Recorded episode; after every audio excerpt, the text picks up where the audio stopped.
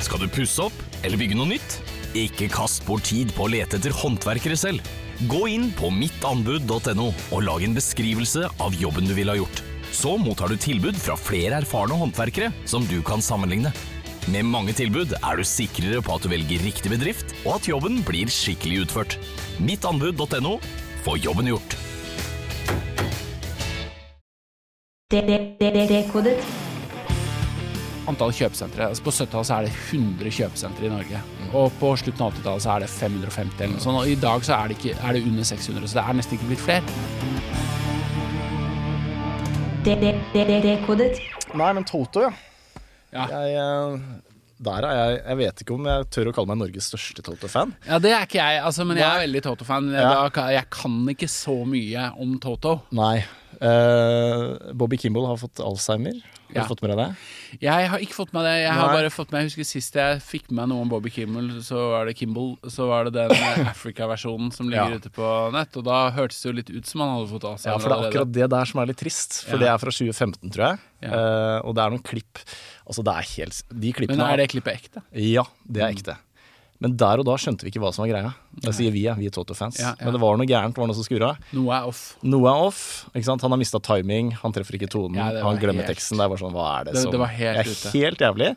Uh, og det blir bare verre og verre fra Ja. 2015 utover. Uh, Nettopp, og nå har det kommet til at han har Alzheimer, da. Sånn i Så det var retrospekt. på troppene Alzheimer, rett og slett? jeg tror han hadde demens Ja. på den Mm. scenen i, i 2015. Så det er en trist uh, historie. Men den lineupen nå er ganske fett, For det er uh, Ja. trommisen i Snarky Puppy, tror jeg. Det vet jeg, og jeg har hørt opptak med dem. Det er han som heter Han som spiller i Ghost Note. Jeg skal på det og se dem på um, De kommer til Norge. eh, til Norge i mai. Jeg har sett dem en gang før òg. Han er sinnssyk. Han heter Spock, Spøkk. eller noe sånt. Spøk, eller Spøk, ja.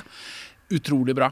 Han er Og er dritfett, og det låter så kult. Men jeg synes Toto har fått med veldig bra trommiser, syns jeg. Etter, For Simon Phillips er ikke min favoritt. Ikke. Ikke. Eh, hvorfor? Eh, jeg syns han er Det er for mye um, fortneller og for lite groove. Ah, Jeg syns ikke han er en god erstatning for uh, Jeff Porcaro. Jeg syns Jeff Porcaro er mye mer groovy. Men greia er at du kan ikke erstatte Jeff Porcaro. Så når du først skal bytte, så må du ha noe helt annet. Ikke sant? Ja, det, jeg kan skjønne den tankegangen, men jeg synes de er close om, om ikke det er en erstatning av Jeff Porcaro, så mener jeg det er closere på I hvert fall at det er mye mer groove-orientert. Ja. Og det syns jeg det ble allerede med han Keith Carlock. Ja. Eh, dessverre fikk jeg ikke sett dem da de spilte på uh, Over grensene. Jeg var der faktisk. Ja, det var jo veldig fett, var det ikke det? Det var dritfett. Ja. De låt uh, tight. Så jeg, jeg, sku, jeg håper jeg får sett dem nå, Ja, Skal de kommer til til ja, eh, Vulkan var- Open Air, tror jeg, i sommer, faktisk. i Oslo. Oslo, ja. Da skal jeg prøve å få billett. Det er veldig kult. Da ses vi der. Ja, Det har jeg lyst til å se, Fordi at jeg har bare sett dem en gang. Det var med Simon Phillips, og det var på Stortorget. Stortorget. Ja, Da spilte en gratiskonsert. Yes, det hørtes litt trist ut. Stortorget? Eh, ja, i Oslo. Litt sånn. Midt i byen. Forbi trikken og liksom sånn. Eh, nei, vent litt. Eh, ikke- ja, Stortorget altså, ikke, Nei, ikke Stortorget, ikke ved trikken. Altså, Youngstorget, kanskje? Youngstorget, mener jeg. Ja. Men det Sammy Phillips har, er jo litt pers Altså, du kan jo identifisere Du hører med en gang hvem det er. Altså, etter fem sekunder så hører Ja, du det på Sammy. Phillips. Og Ja. det får du ikke med Keith eh, Carlock. Nei, det er sant for så vidt. Han er mer bare en sånn jazztromme som er veldig god på de session-tingene. Men jeg syns det svinger bedre han. Men er Steve Lookatter verdens beste gitarist? Altså, I min bok så er jo det utvilsomt Eddie Van Halen. Ikke sant? Eh, men hvis jeg skal ha en eh, nummer to på sånn rockegitargreiene, så er jo eh, Altså, jeg vet ikke, det er vanskelig å si, men jeg digger Steve Lookatter. Er Steve Lukather er jo mye mer enn sånn han, er, han skapte jo hele den session-skolen. Altså, jeg, Der er han den beste, syns jeg. Eller det er jo mange bra der. Jay Graden, og nå begynner vi å nøle på veldig, veldig sånn uh, detaljer ingen, og folk ingen har hørt om. Men jeg syns jo Steve Lukather er helt krembolle bra. Han er krembollebra. Han er øverst i min bok. Men eh, han var jo for så vidt min inngangsport inn i Toto. da Ja. For da kjøpte jeg den Masterclass-DVD-en fra Mm. 1984. Hvor han sitter der med permanent, krøller, og det er så mye effekter på Altså Det Ja, ja, ja. rekker ser ut som et romskip, liksom. Ja, Og det er så mye korus og delay at du hører ikke tonen omtrent. Nei. Men uh, ja.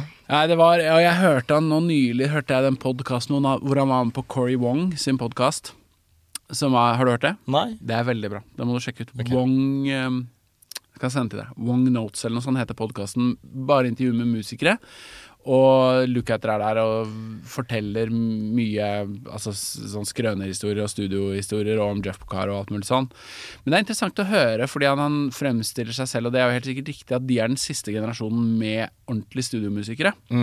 Og hva som er kreves av det, og hva som er utfordringen. Og i dag så når du tar opp en skive, så set, alle bare rekorder jo hjemme, for alle har Ja, ja. recordingutstyr. Men den gangen så kom du jo i studio, og når lampa lyste rødt, så måtte du komme opp med noe. Og veldig mange av disse låtene var jo helt identiske. ikke sant? Det var de samme kordene. Det var poplåter. Det, er- det er ikke så mye variasjon på det alltid.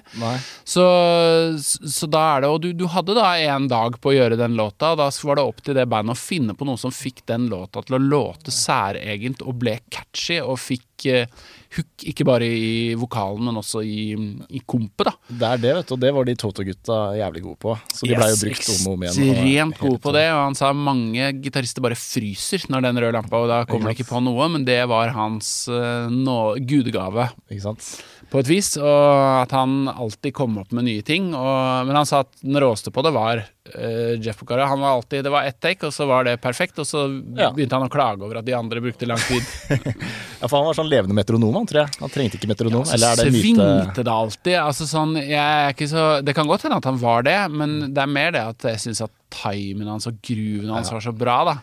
Så Det er ingen som har klart å spille Rosanna etter eh, Meg i hvert fall ikke så ja, Alle sier det jeg har hørt, trommiser som har klart å sp som spiller Rosanna-gruven fett, altså. Men det er eh, Men eh, han har kanskje noe eget sånn noe veldig, Han har en veldig særegen og veldig tung og deilig bit. Ja, ja.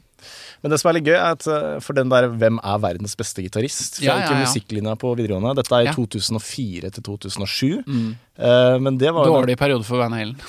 veldig dårlig. Men han var med i vurderingen. For det var jo den daglige, i hvert fall blant oss gitarister, Ja, friminutter. Liksom, hvem er verdens beste gitarist? Jeg syns det fortsatt er spennende å diskutere. Ja, kjempespennende. Men eh, det, er jo, det var kun 80-tallsgitarister som var med i vurderingen. For da var det liksom er det Steve Lukather, Steve Vai, Joe Satriani, Van Halen. John Petrucci for så vidt, da. Han ble jo sendt Ja, på det er 90-tallet. med 90-talls, ja. For det kom jo altså De ble jo mulig ennå Eller det, selvfølgelig, sånn er det jo alltid. Alle blir flinkere hele tiden, Ja. sånn teknisk. Så det er jo blitt mye mer altså Bare se på folk på YouTube i dag, det er så avansert Ja, ja. det er helt, det er helt insane.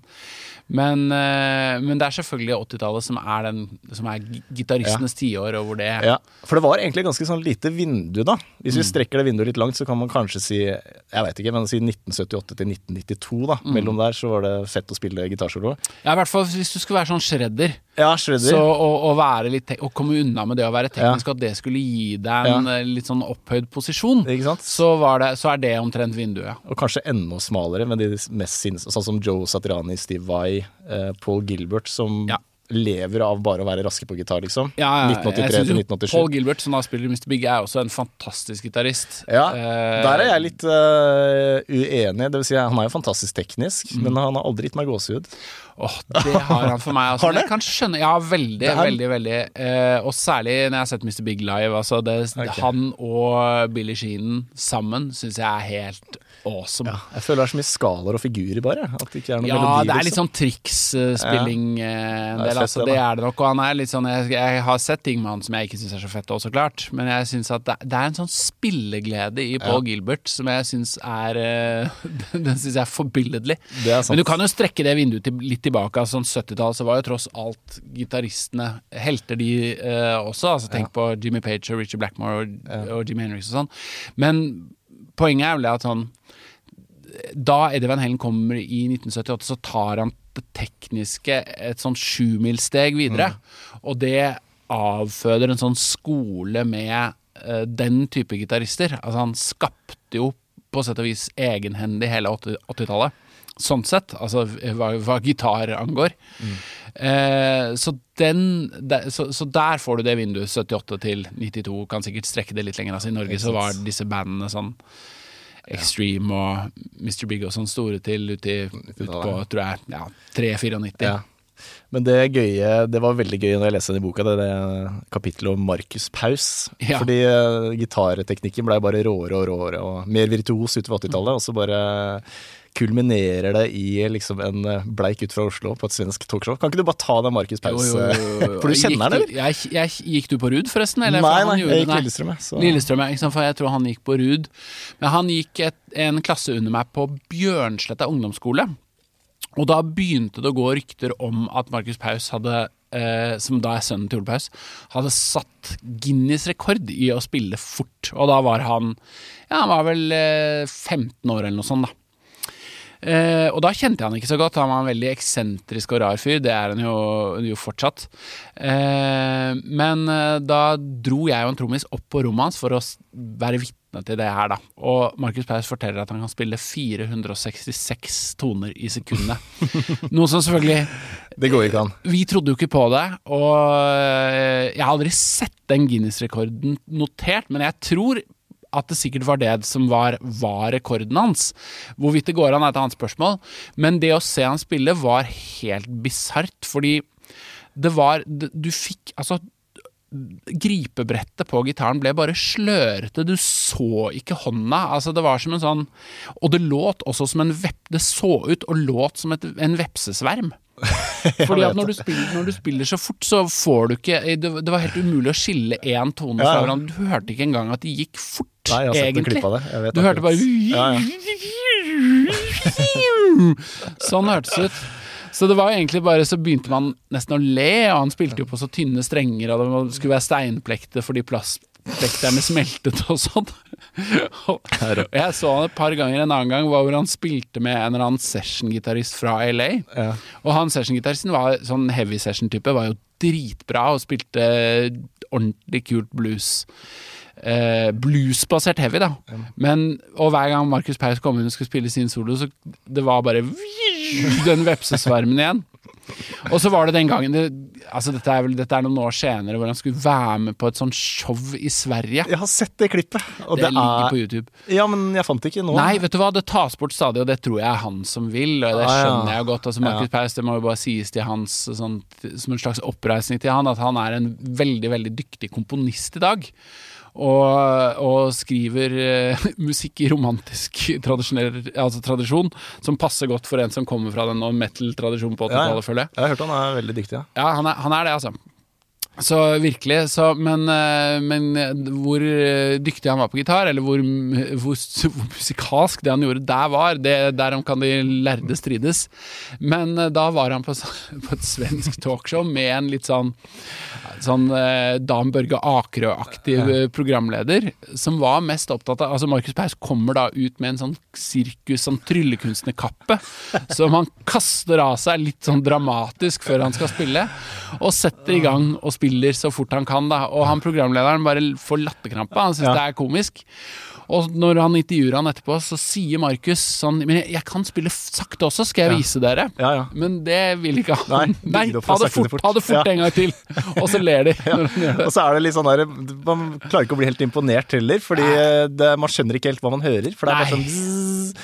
Nei, det er, det er, den scenen er bare trist, og etter det så tror jeg han Ja. Jeg vet ikke hvor lang gitarkarrieren hans var etter det, men eh, det Men tok det var- ikke så lang tid før han søkte seg på Musikkhøgskolen som komponist. i Det var, vel- ja, det var veldig fint det du skrev i boka der, for det, var liksom gitarheroismens tid nådde sitt logiske sluttpunkt på et svensk talkshow. Det, det gjorde det. Så har du liksom eh, Det er jo helt sinnssykt. Du har liksom Det blir mer og mer virtuos, går fortere og fortere. Så har du Michelangelo liksom på 80-tallet med fire halser, og det er liksom helt normalt. Og så kulminerer det da i en bleik tenåring fra Oslo som ikke har sett sola på ti år, for han har øvd 18 timer dagen. Ja, altså, satt, han så det jo knapt, ikke sant? Han satt jo bare inne med svett, langt hår og, og var bleik og øvde, ja. som skal da endelig skal han vise omverdenen hva han har lært. Mm. Ta til vingene, fly ut av gutterommet på et svensk talkshow med Supermann-kappe liksom, og håndtak på gitaren, og så har tiden løpt ifra han. Nei, det var helt Det er, det er et helt utrolig tragikomisk klipp. Og jeg anbefaler folk bare å søke det opp, Fordi innimellom dukker det opp, og så blir det tatt vekk igjen. Søren, altså. Men ja, det er ikke for å le av Markus Paus. Nei, det er, nei, men det er bare situasjonen som er absurd. litt for å le av Markus Paus òg, men jeg tror han tåler det. Ja. Den, det, de, De sidene jeg har skrevet om han ble postet på hans vegg ikke lenge etter at boka kom ut, og da, fikk, da lo han av det. Ja, så bra. Så han har selvironi på Han der tror jeg er en fyr jeg har lyst til å invitere, faktisk.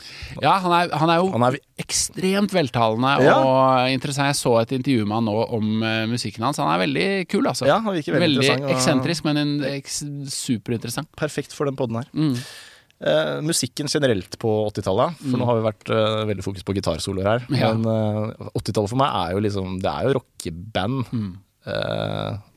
Eh, ja, sånn jeg tenker på det. Og de var jo gode på De var jo ble kjent for balladen ofte, ikke sant? Mm. Men ikke noe sånn tekst Ikke noe litterære mesterverk, akkurat. Nei, altså det, er, jo- det er jo litt sånn rart, det var det jo ikke, men powerballaden ble jo veldig stor på 80-tallet. Altså det er en sjanger som, som tar av da. 70-talls hardrockband spilte ikke så mye ballader. Altså du hadde Zeppelin hadde Stairway to Heaven og sånn. Det var På sett og vis er ikke det ballader, føler jeg. Det er komposisjoner. Altså Det var noen episke greier som endte i et eh, rocka klimaks.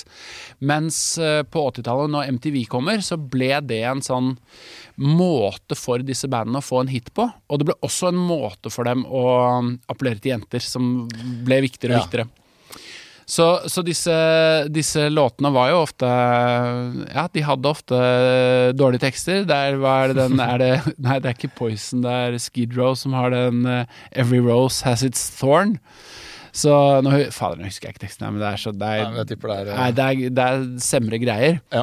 Men, eh, men selvfølgelig, det var en måte å bli spilt på radio på, fordi de andre låtene ville ikke bli tatt i. Og mange av disse bandene så hadde det som sin egen eneste hit. Altså et band som Extreme.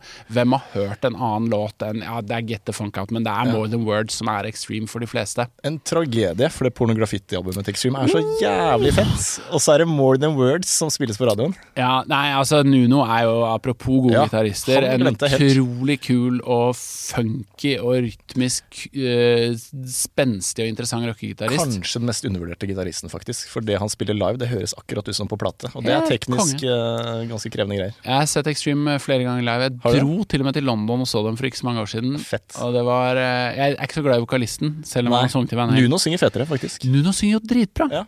Så nei, han er kjempebra. Og også nevnte Mr. Big hadde jo også sin største hit med ballade. Og, og bare tenk på et band som Metallica, som, eh, som jo er barn av 80-tallet. Bare på med, ikke så mye på hårmetal-siden, men mer på en sånn undergrunns eh, eh, metallbølge.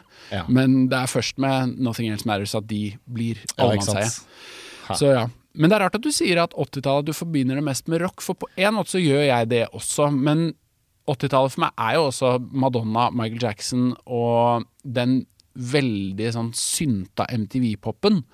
Og det er kanskje fordi du er jo født i 88 og jeg er født i 77, så jeg fikk mer av den du fikk i da 80-tallet, mer ut på 90-tallet, og da kanskje du ikke Da reiste du tilbake til, siden du spilte gitar òg, sikkert Ja. Mm. mer til rocken, da. Men, det er jo, men jeg forbinder det jo veldig med sånn musikkteknologiens inntog, trommemaskin, synthesizere. Ja. Popmusikk ble svært. Altså, du kommer fra 70-tallet hvor, hvor rock har vært kjempestort. Og hvor egentlig ingen skulle tro at heavy metal skulle bli en stor sjanger på 80-tallet. Altså, det var i ferd med å dø helt ut. Så når Van Halen slår gjennom i, i 78, da, så er det jo egentlig mest disko og softrock og sånne California-ting som er de store greiene. Og begynnelsen av 80-tallet er også en merkelig tid hvor det er sånne litt eldre, fallerte artister som er på Det er alt fra sånn ja, det er Stevie Wonder og Paul McCartney, altså sånn Neil Diamond, Christopher Cross er den som vinner flest Grammys i 1981. Ja. Eh, og er den største artisten. Helt glemt i dag. Og så kommer MTV, og så er alle disse litt sånn eh, 35-40 år gamle smørsangerne. De er bare Det er Video Killed, Killed the Radio Star, og så blir musikken ung igjen. Og Ja. du får denne syntpopen med Madonna og Ja, Men du var likevel på Van Halen-kjøret hele 80-tallet, eller? Var det det, som, det du likte best, i hvert fall? Ja, eller altså, hørte du på poppen òg? Nei da, jeg gjorde det, men jeg var, jeg var ganske liten på begynnelsen av 80-tallet. Ja? Jeg er født i, Så da hørte jeg på det som alle andre hørte på. Så da var Michael Jackson og Det er klart, jeg fikk Bad-kassetten jeg i 1987. Og, eller 1980, ja, det er vel 87, ja. Elsket det. Hadde Whitney Houston-platene på kassett. Eh, men jeg hørte også på Bruce Springsteen. Altså, jeg var ikke så, det var bare jeg tok det jeg fikk. Ja. Eh, mens min første sånn musikalske åpenbaring var at jeg fikk en kassett, det tror jeg må ha vært i sånn 1988 eller noe sånt, med Van Halen. 1984 på den ene siden, det var så korte plater, så det var, og Diver Down på den andre. Så da var jeg, da var jeg solgt.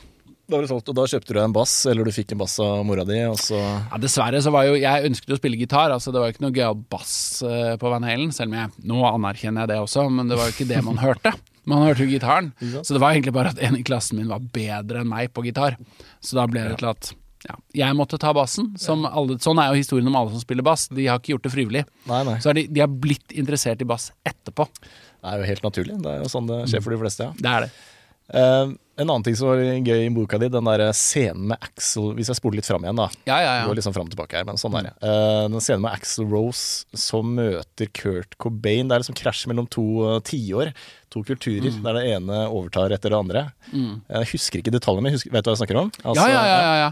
Altså, Om jeg husker detaljene, er jeg litt usikker på, men jeg, de krasja bak på MTV Video Music Awards. Så det var jo det var gøy, fordi at når Nirvana kommer i 1991 Det er jo samme år som Guns N' Roses kom med Use Illusion. Ja. Jeg tror at Axel Rose og Slash skjønte at oi, nå er det noe nytt Ja. som skjer.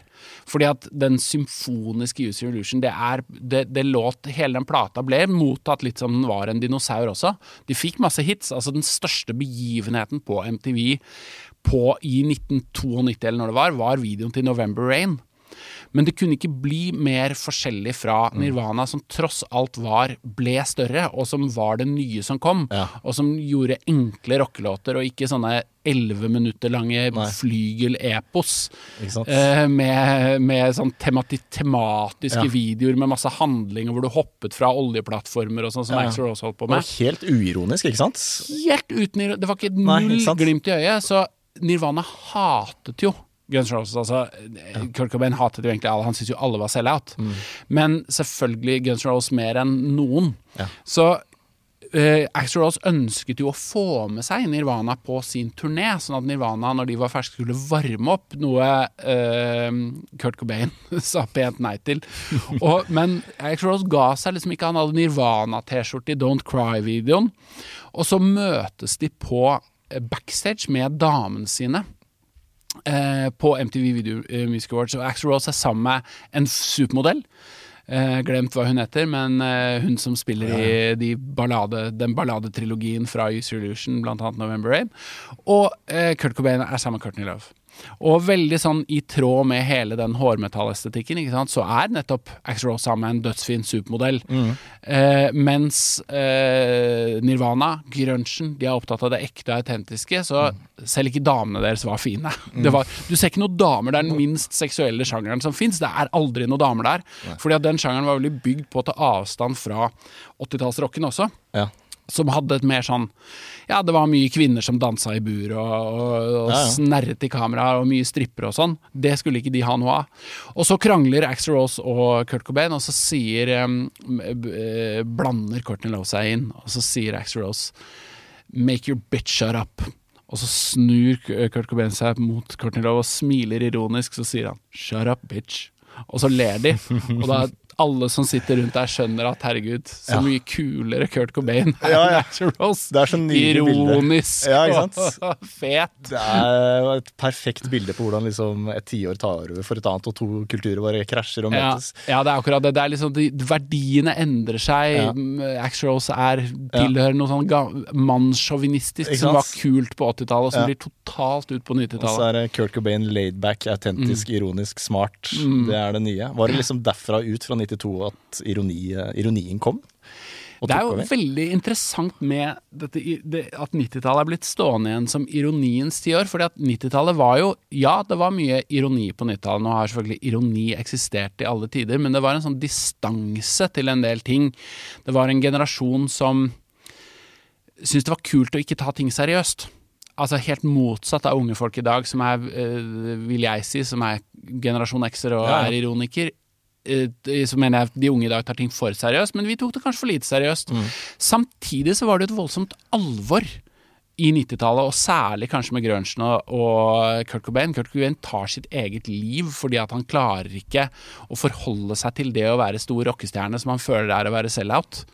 Så det var, det var ingen som ble mer seriøse og opptatt av å være ekte enn eh, en 90-tallsrockere. Altså særlig, særlig grønsjere, vil jeg si. Altså sånn Ja. Pearl Jam, Nirvana, Alice in Chains. Det er ingen som, det, det, du finner ikke én sjanger hvor det er, er flere som har tatt livet sitt. Nei. Eller dødd. Ha. Altså Det var en deprimert, alvorstung sjanger. Ja. Og allikevel så er da Brukte 90-tallet blitt stående som ironiens tiår. Ja. Som er sant på en måte, men det, var, Ja. det er to sider her. Ja, ok, veldig ja. alvorlig, veldig distansert og ironisk. Ja, for dere hadde jo nettopp opplevd 80-tallet, som er et tiår som er ganske lett å ironisere over, kanskje? Ja, og det ble en sånn Jeg føler at en overgang til 90-tallet kom bråere på enn jeg tror um, enn f.eks. 80-tallet gjorde. eh, at 90-tallet kom som en slags sånn at populærkulturen da kom, Det kom en motreaksjon mot, ikke bare mot hårmetall og sjangerne, men mot hele tiåret. Alt som 80-tallet sto for, ble plutselig teit. Så jeg opplevde veldig tidlig at sånn i 92 så var det litt sånn at man lo litt av 80-tallet. Og da mener jeg virkelig at man brukte ordet 80-tallet og kunne si at det er veldig 80-tallsk. Ja.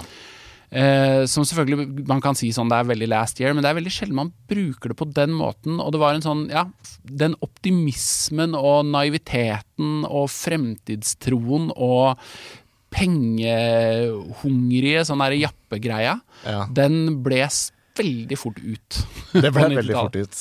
Eh, men la oss eh, ta opp tråden, eh, eller ta det videre der, da. Fordi egentlig så kan vi spole nå, for nå har vi tatt veldig mye om musikk. La oss spole litt tilbake til starten av 80-tallet, og hvordan liksom du som unge Hvor er du vokst opp?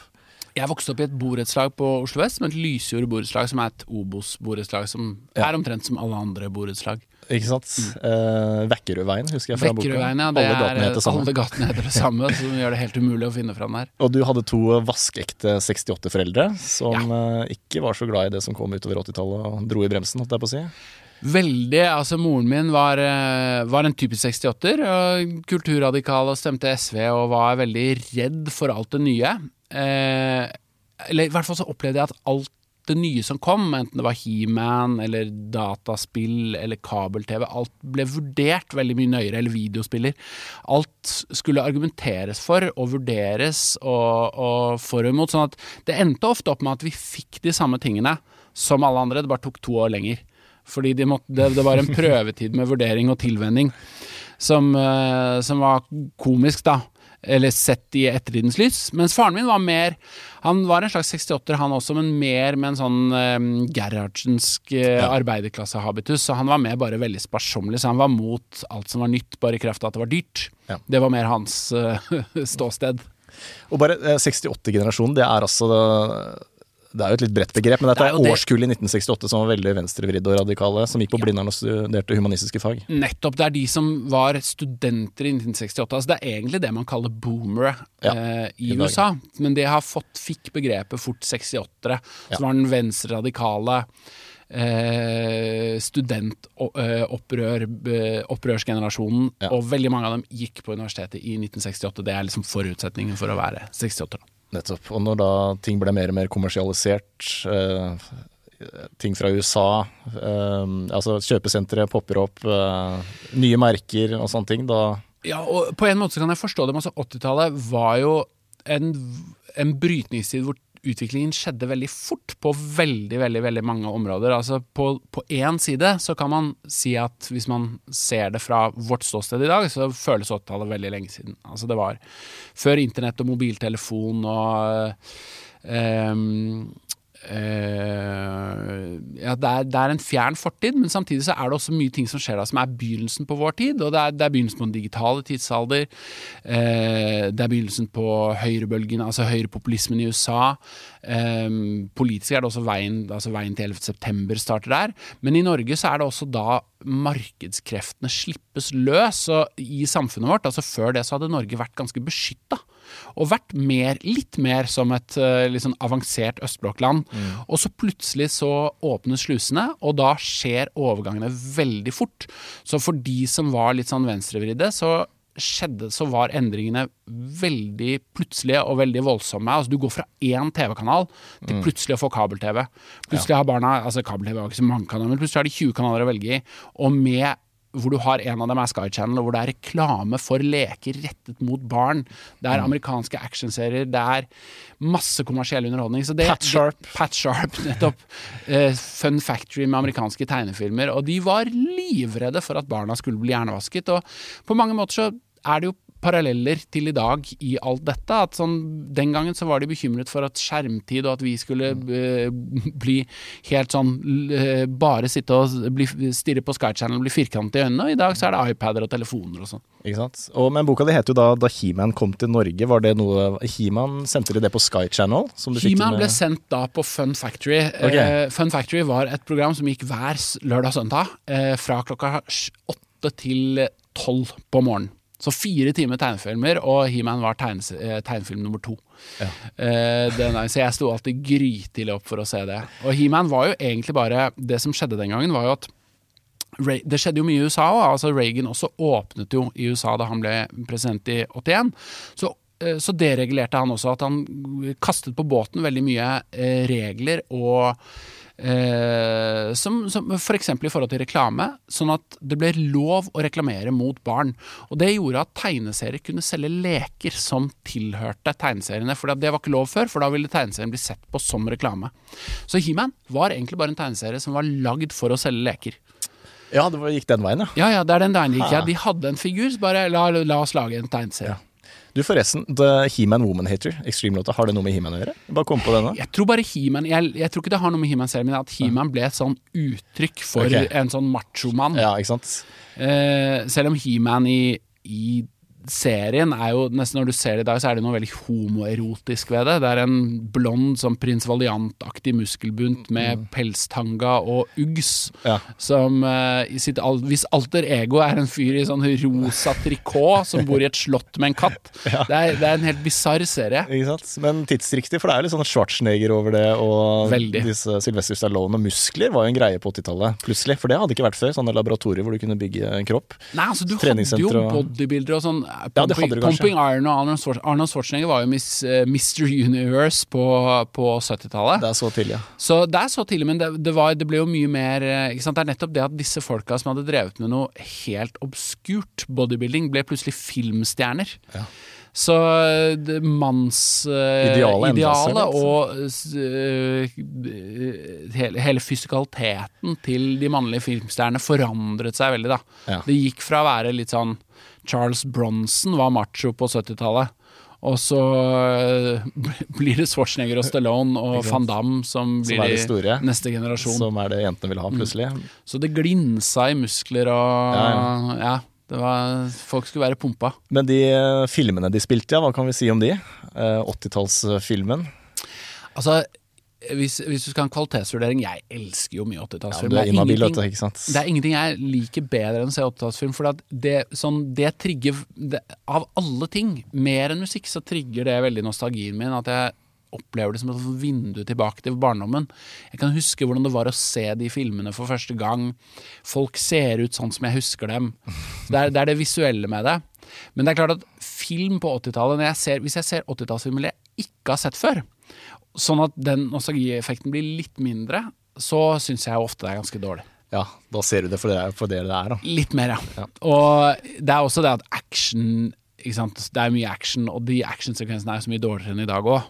Eller det går så mye, alt er jo så analogt, så det går så langsomt. Ja, ja. Så, men men 80-tallet er jo en Her også så har du en sånn voldsomt brå overgang fra 70-tallet, hvor det var mye mer sånn Filmer ble laget for voksne. Det var 'Gudfaren' var den største 70-tallsfilmen. Det er et voksendrama, først og fremst.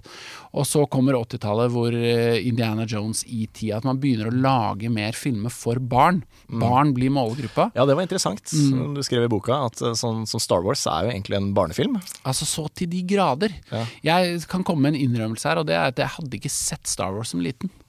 Altså, fordi at Litt sånn å vokse opp på 80-tallet var at du gikk glipp av en del ting. Ja. Hvis du ikke så det på kino, og alle hadde sett det, så fikk du ikke se det på video heller, for da måtte du leie det selv. Og, eh, og man leide jo alltid sammen med noen, så da fikk jeg aldri leid. Så ET og Star Wars var to filmer jeg aldri så før jeg ble voksen. Ha. Så når jeg så den som voksen, så var jeg jo helt sjokkert over hvor barnslig, uh, barnslig det er. Er, dette, er det dette folk babler om? At dette skal være så jævlig kult? Episk, ja. Jeg er litt enig. Jeg så også Star Wars som voksen, og jeg sliter med å se Star Wars. Jeg kjeder meg. Altså det er den lange ørkenscener med to Ja. sånne fjasete roboter Ja, hva- som er hva er det? Ja, nei, hva er dette for noe? Så, nei, det er, det er veldig bisarre. Men, Men det var jo selvfølgelig ja. at de opplevde at filmer Dette skjer jo egentlig litt på 70-tallet, for Star Wars kom jo da, men Heisommer Star Wars er der du får en sånn at studio Altså filmstudioene skjønner at ah, her har vi penger å tjene. Spytt inn masse penger i det som før var lavbudsjett sjangerfilmer, monsterfilmer, sci-fi og sånne type ting, og markedsfør det til barn. Ja. Og barn går og ser det om og om igjen, og så blir lekene til Star Wars en suksess.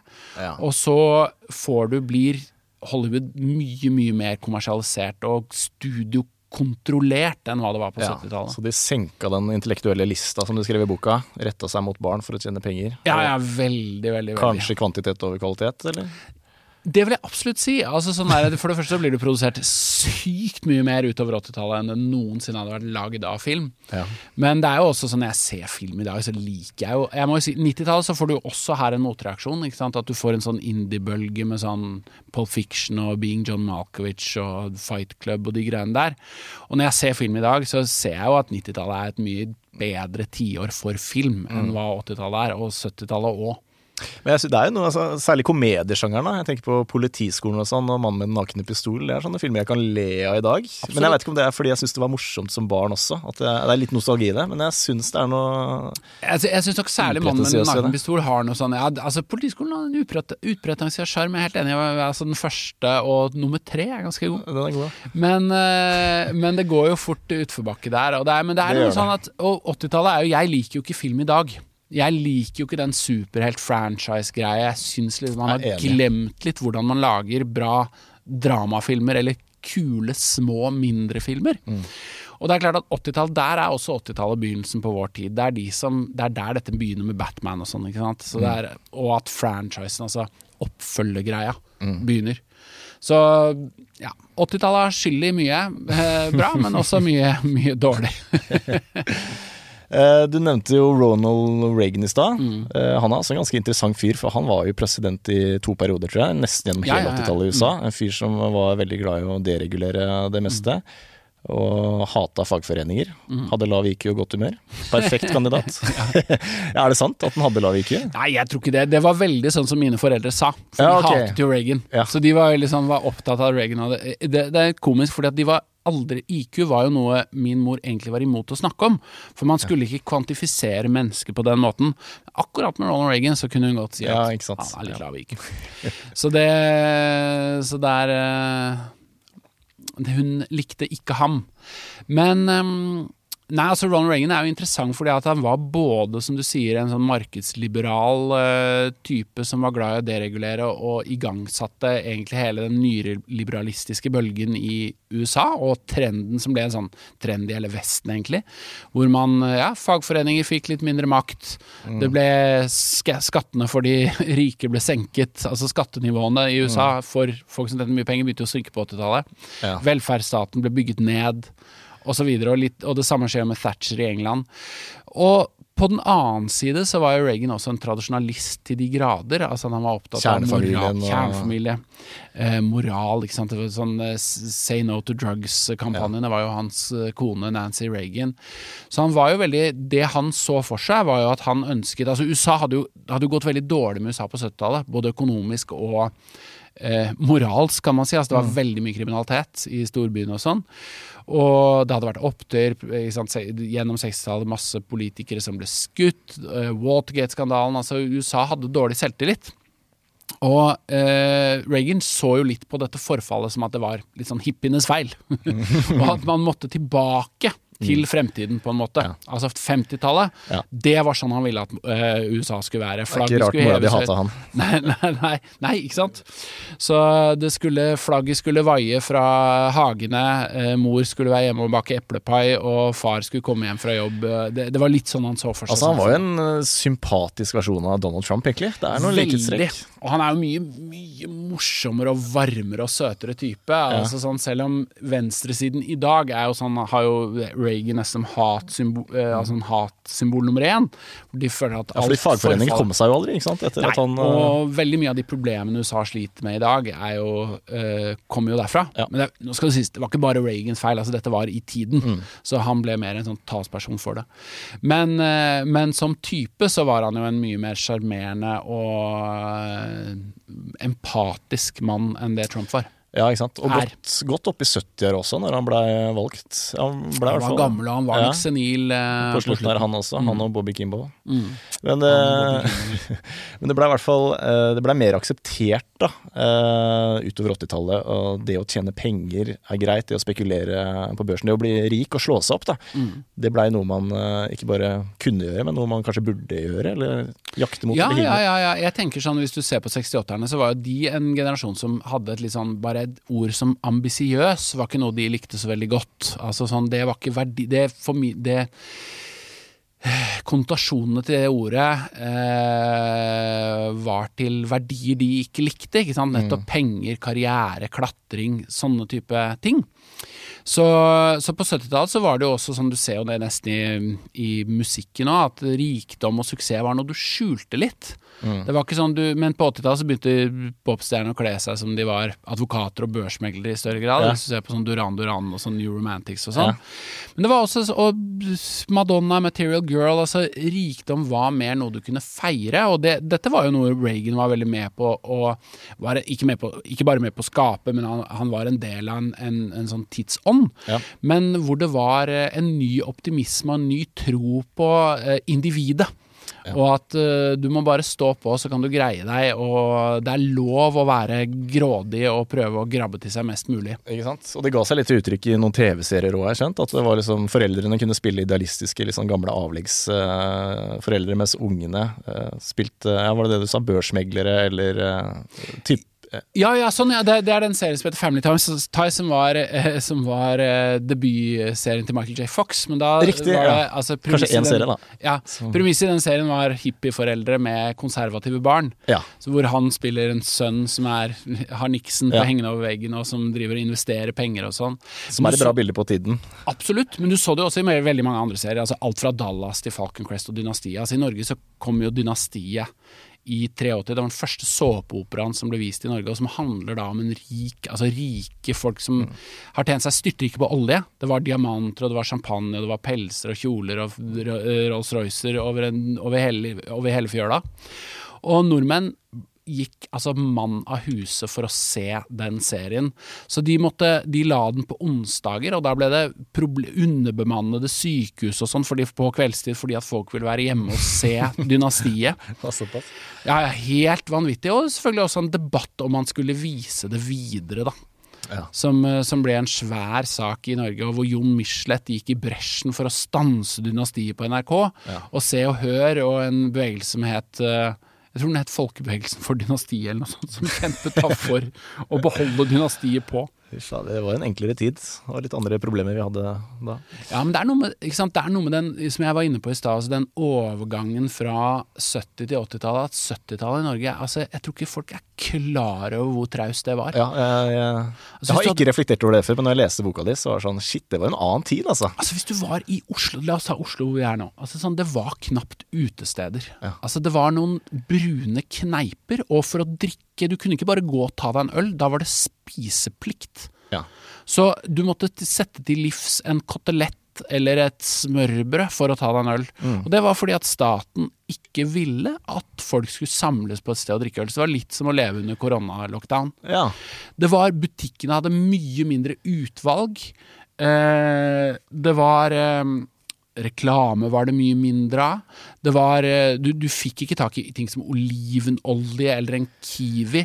Det var ikke Parfyme var veldig det, Du fikk tak i noe sted, men det var dritdyrt. Og alt dette her handlet om at det staten så på som unødvendige luksusvarer, det eh, tollbela den veldig eh, hardt.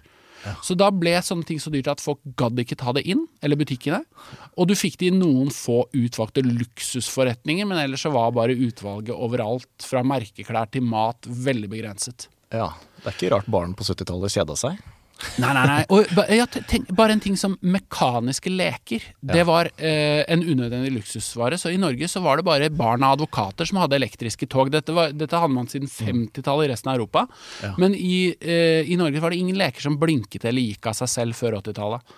Med mindre noen hadde kjøpt i USA til det. Det. Eiendomsmarkedet var regulert til og med, var ikke sånn? Nei, halve boligmarkedet var regulert, og finansmarkedet var regulert, så det var veldig høye skatter på, på aksjeutbytte. Sånn at det var veldig vanskelig å bli rik. Folk, de som var rike, hadde, drev med handel og hadde ofte hatt rikdom i familien lenge. Og alle var eh, stort sett nedre middelklasse, og så var det noen få rike. Ja, Sånn sånn, sånn for å sette det litt på spissen. Og så fjernes mange av disse reguleringene. Det blir lettere å starte utesteder, lettere å få alkoholservering. Det blir lettere å ta inn, im- importere varer. Det blir lettere å starte butikker. Det blir lettere å selge og kjøpe boliger og å spekulere i aksjer. Og da får du jappetiden, da. Da får du jappetiden, for da ser vi også en høyere vridning i Norge. Kåre Willoch som statsminister.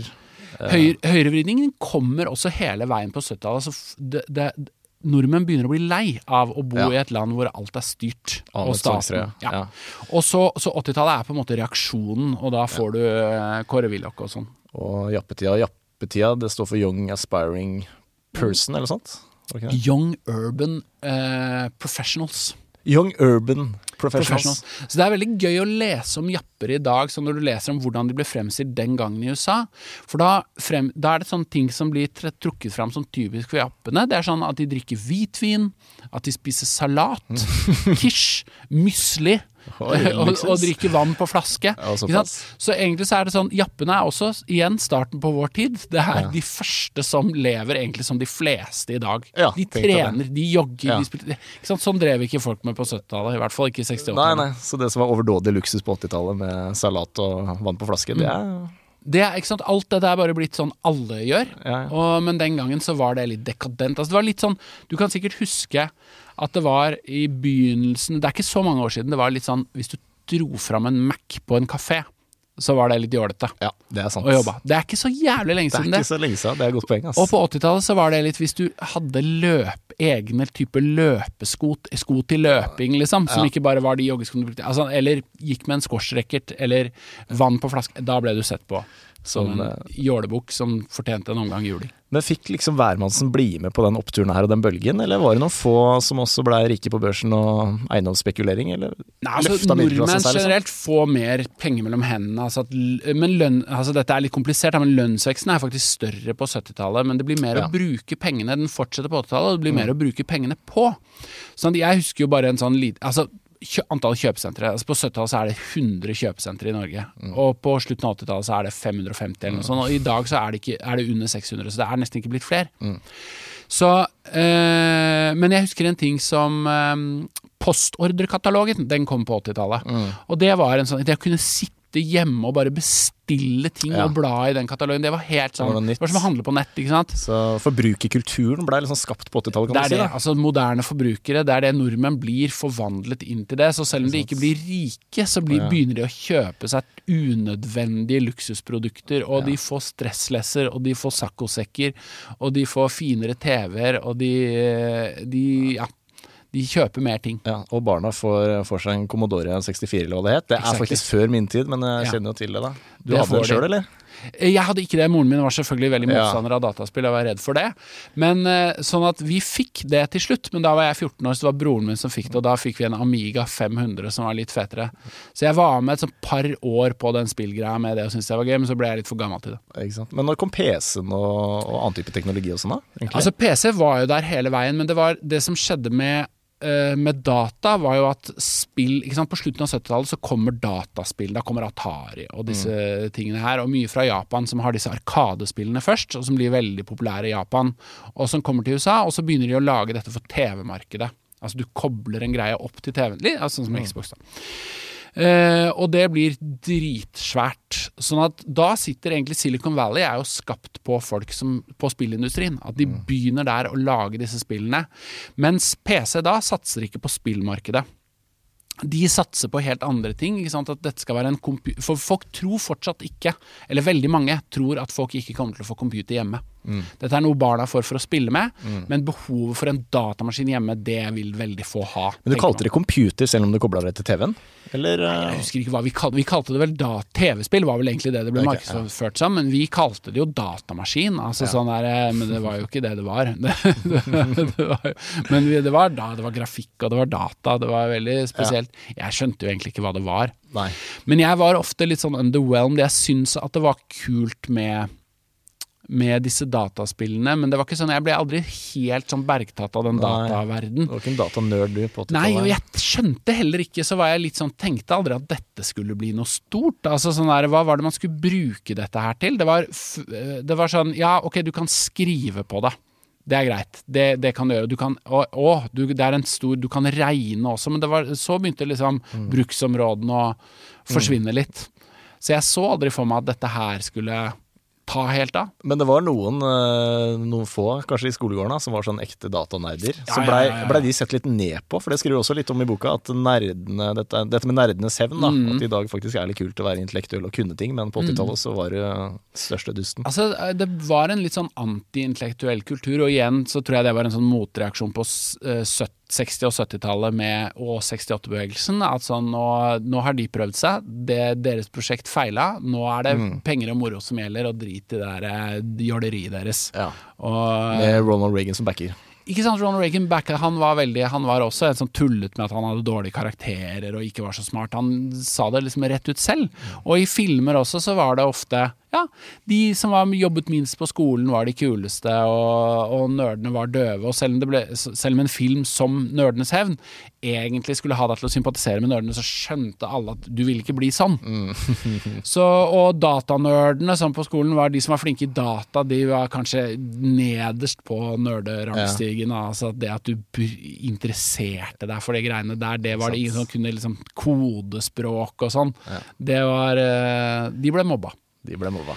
Og de tok jo en grusom hevn, så klart, for det var jo de som, ja. det var de som skapte fremtiden, og som i dag eh, tjener mye mer enn oss andre. Det er en vakker historie.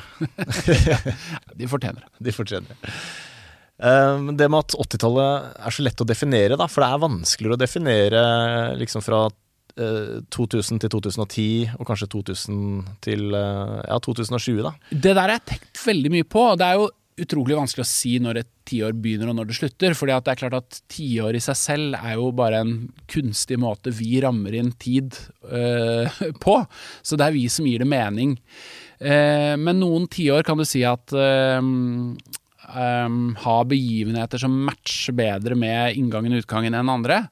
Og for 80-tallet så vil jeg jo si at kanskje valget av Ronald Reagan i 81 er en slags naturlig start for eh, det tiåret. Noen ville kanskje si drapet på John Lennon, og 60- og 70-tallet dør i 1980. Utgangen selvfølgelig murens fall i 1989. ikke? Kalde krigen er over, og USA har vunnet. Så eh, med 90-tallet så er det også Da føler jeg at det også er et tiår som jeg eller for å spole litt tilbake, jeg føler at 80-tallet er veldig lett å si også, i tillegg til at de har noen historiske begivenheter som ramler inn, så er det veldig lett å se hva som er 80-tallsk.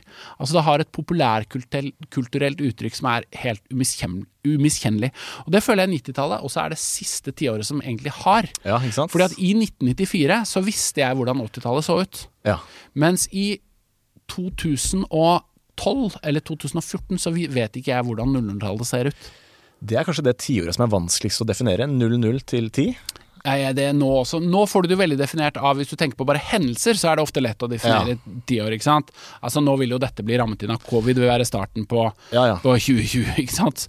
Så, men, men når det gjelder det estetiske uttrykket, så vil jeg si at hele 2000-tallet er over. Og det, altså det, det er helt umulig å si og Ja. peke på. I hvert fall for meg, jeg tror for veldig mange andre, selv om selvfølgelig folk som vokste opp da, vil kunne si at å, det er, var typisk, og det var typisk.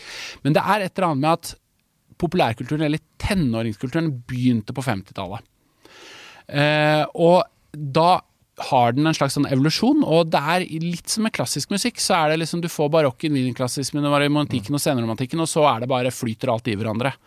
Og det føler jeg litt er det som skjer med populærkultur nå. At nå har vi kommet i en sånn postmoderne fase hvor bare alt eksisterer samtidig. Ja, det er og- liksom Mote og populærkultur er bare en eneste stor smørje. og vi lever ikke lenger i en monokultur. Ikke sant? Det er sånn Ja. alle fikk med Altså, min far, som vet minst om populærkultur i hele verden, føler jeg, han visste hvem Arnold Schwarzenegger var på 80-tallet. Han har ikke hørt om én skuespiller nå. Nei. Men altså, fra 2010 til 2020 kan man jo snakke om sosiale medier og nesa ned i mobilen, da. Selv om Absolutt. Framstår som litt gammel og avleggs når man er Ja, men kritisk til det. derfor føler jeg mer at det er en sånn teknologisk Ja, ting som rettig, setter kanskje. et Ja. Men det setter jo selvfølgelig et uttrykk på det tiåret. Så helt klart. Hvis vi avslutter med 90-tallet. Bare hvor Det føler jeg også har en veldig sånn tydelig sånn tematisk innramming. Eh, Murens fall kan du si, men altså egentlig Sovjetunionens oppløsning i 1990, og så 2001. Så det er veldig sånn Og mot i brøstet midt imellom der. og mot i brøstet. Herlig. Jeg tror vi runder av der. jeg. Skal hjem og høre på Fan Halen og se Politiskolen 3. Deilig. Ja, den er bra. Denne podkasten er produsert av Tid og lyst.